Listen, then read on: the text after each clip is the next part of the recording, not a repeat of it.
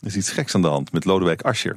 Na de verkiezingsnederlaag op 15 maart zou je verwachten dat hij in een diepe depressie is geraakt. Maar hij blijkt juist hartstikke optimistisch. Politiek verslaggever Laurens Boven is uh, bij me. Goedemiddag Laurens. Hi, uh, hij zei deze week dat hij zelfs de komende acht jaar beschikbaar is om partijleider te blijven. Ja. Sommige mensen denken dan, ben je masochistisch geworden? Waarom wil die man dat? Wat is er aan de hand? Nou, hij loopt zelfs rond met een uh, zekere twinkeling in zijn ogen op het Binnenhof. Hij heeft echt zin in om Kamerlid te zijn. Het is net alsof de klap waarvan natuurlijk iedereen al jaren wist dat die ging komen, die verkiezingsnederlaag. Nou, dat is nu gebeurd. Dus eindelijk die, hè, dat is duidelijk. De, ver, de, de mhm. vernederende nederlaag is er en nu kunnen we gewoon door vanuit deze zekerheid. En hij straalt inderdaad optimisme en vrolijkheid uit. Het is eigenlijk wel uh, verrassend. Ik was uh, afgelopen maandag bij een debat in uh, Amsterdam, waar hij eigenlijk voor het eerst tegenover de leden, het was bijna een soort biechtsessie, hield over allerlei dingen die in het verleden fout zijn gegaan. En even ter illustratie over hoe hij nu spreekt en hoe hij terugkrijgt op die campagne. Dit vertelde hij over hoe dat dan gaat voor zo'n tv-debat. Zijn er mensen, die denken, ik wil landelijk lijsttrekker worden van de Partij van de Arbeid? Ik heb wel een paar tips. Misschien is het leuk om je voor te stellen hoe dan de instructie gaat. Moet je je voorstellen, je hebt een debat. Het wordt uitgezonden op tv. Er kijken drie, vier miljoen mensen naar. Je staat heel slecht in de peilingen. Wat zeg ik? Op historische dieptepunt. Ik, ik neem je mee in wat voor adviezen je dan krijgt. Het eerste is gewoon jezelf zijn. Het tweede is, zorg dat je in de aanval bent. Anders denken ze dat je er niet was. Het derde is, val nooit een linkse partij aan. Want dat zijn onze vrienden. Het vierde is, val de VVD niet aan, want daar heb je mee geregeerd. Heel erg veel succes.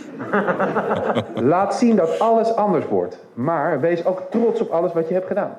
Ik zie dat uh, verschillende mensen inmiddels die ambitie beginnen uh, te voelen. Ja, de onmogelijke situatie waar hij dus in terecht komt. Hè, met al die tegenstrijdige oh adviezen. Hij vond het niet leuk in de campagne in feite. En nu een nieuwe tijd en heeft er echt verzin in. Maar wat is nou zijn analyse van wat er eigenlijk echt fout is gegaan in die campagne? Was het de lijsttrekkersstrijd bijvoorbeeld? Niet alleen. Nee, niet alleen. Uh, de lijsttrekkersstrijd was niet goed. Daar zegt hij dit over. Het is zeker niet goed geweest voor ons.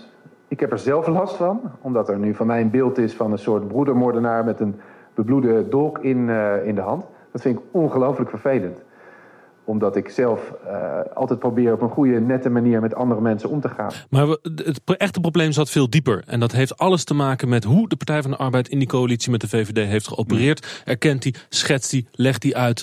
Uh, in feite zijn we gewoon allemaal veel te braaf geweest als Kamerleden, als ministers. We hebben niet genoeg onze eigen toon, ons eigen geluid laten zien. En we hebben niet goed genoeg laten zien hoe hard we eigenlijk hebben gevochten. Uh, ik denk dat zowel de ministers als de, de Kamerfractie uh, te weinig hebben laten zien van de strijd die we leverden.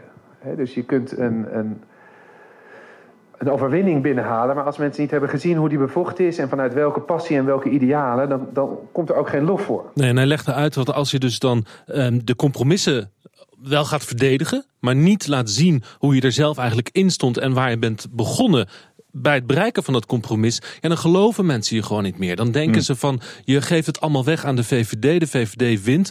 Terwijl feitelijk, eh, zegt hij dus, er achter de schermen veel meer knallende ruzie is geweest. En ook angst is geweest voor het klappen van de coalitie. En um, dan ze hebben laten zien. Hmm. Nou goed, hij blijft, hij wil, hij straalt zelfvertrouwen uit. Maar wat is zijn plan? Hoe gaat hij de Partij van de Arbeid dan weer terugbrengen naar waar ze vandaan kwamen? Ja, dat is heel lastig. Um, hij zegt over dat zetelaantal, dat is niet ons We willen niet van uh, weer naar 30, weer naar 40 zetels. Dat is, die tijd is geweest. Dat partijen kunnen rekenen op een vaste achterban. Hij zoekt het heel erg bij zichzelf. Bij um, de partij zoals die hoort te zijn. Um, in ieder geval niet een nieuwe niche als volgt. Ik denk dat er wel degelijk weer een moment kan komen dat mensen zeggen: hé, hey, een partij die niet alleen voor de diertjes is, of alleen voor de moslims, of alleen voor de ontevreden koopkracht 50-plussers, maar die verschillende belangen vertegenwoordigt vanuit idealen, dat is de hip, dat is cool, dat is iets nieuws. Daar zou ik eigenlijk wel bij willen horen. Nou, dan, en dan blijkt opeens ja, dat die partij bestaat. En dat zijn wij. Geinig hè? Dus de PvdA moet hip en cool worden. Aantrekkelijk worden van een, een verbindende volkspartij. Die, die belangoverstijgend, groepoverstijgend opereert. Dat moet hip zijn. En zo wilde je trekken. Er zijn een paar vernieuwingsbewegingen binnen de PvdA actief. Uh, die vanuit de, de jongeren uh, wat willen bereiken. Er komt volgend jaar ook, volgende maand moet ik zeggen, ook al een toekomstfestival. En er zit natuurlijk ongelooflijk veel tijdsdruk op. Hè? Want uh, nou, over een jaar, minder dan een jaar, zijn er gemeenteraadsverkiezingen. En als de PvdA dan weer weer zo'n nederlaag leidt, ja, dan zijn ze echt wel weg. Maar hip en cool is niet mijn eerste associatie met de Partij van de Arbeid, in welke vorm dan ook. Nee, nieuwe mensen zijn er nodig. En dat zijn dus mensen die um, vanuit die idealen en vanuit dat gedachtegoed, daar zien naar op zoek. Die moeten er komen bij de PvdA kunnen opereren. Idealen en geen machtspartij. Als er nou uit een moment is om een beetje risico te nemen, dan is het natuurlijk nu. Die hele discussie tussen zijn we nou voor de macht of voor de, voor de idealen. Nou, die discussie kunnen we voorlopig wel even als begraven beschouwen. Uh, we kunnen alleen maar vechten en terugkomen vanuit idealen, geloofwaardigheid en betrouwbaarheid. Ja, en daar is de PvdA dus naar op zoek. Mensen die daarbij passen, die moeten de ruimte krijgen. Die dus vanuit eigen onafhankelijk denken, um, ja, die partij dus weer op een, met nieuw elan, nieuw passie, nieuw enthousiasme in de, in, in de markt kunnen zetten. Die dus niet op zoek zijn naar eigen banen. Banen heeft de PvdA voorlopig niet te verdelen. Maar ze hebben dus wel heel erg veel behoefte aan nieuwe denkkracht. En natuurlijk is dat allemaal nog niet rond. Je kan wel zeggen dat je dat wil, maar dan is het nog niet zover. Maar eh, reken maar dat dit dus de toon wordt. En dit is dus de, een beetje de blik achter de schermen over het, het hmm. personeelsmanagement van, de, van Lodewijk Asscher bij de wederopbouw van zijn partij. Dankjewel, Laurens Boven.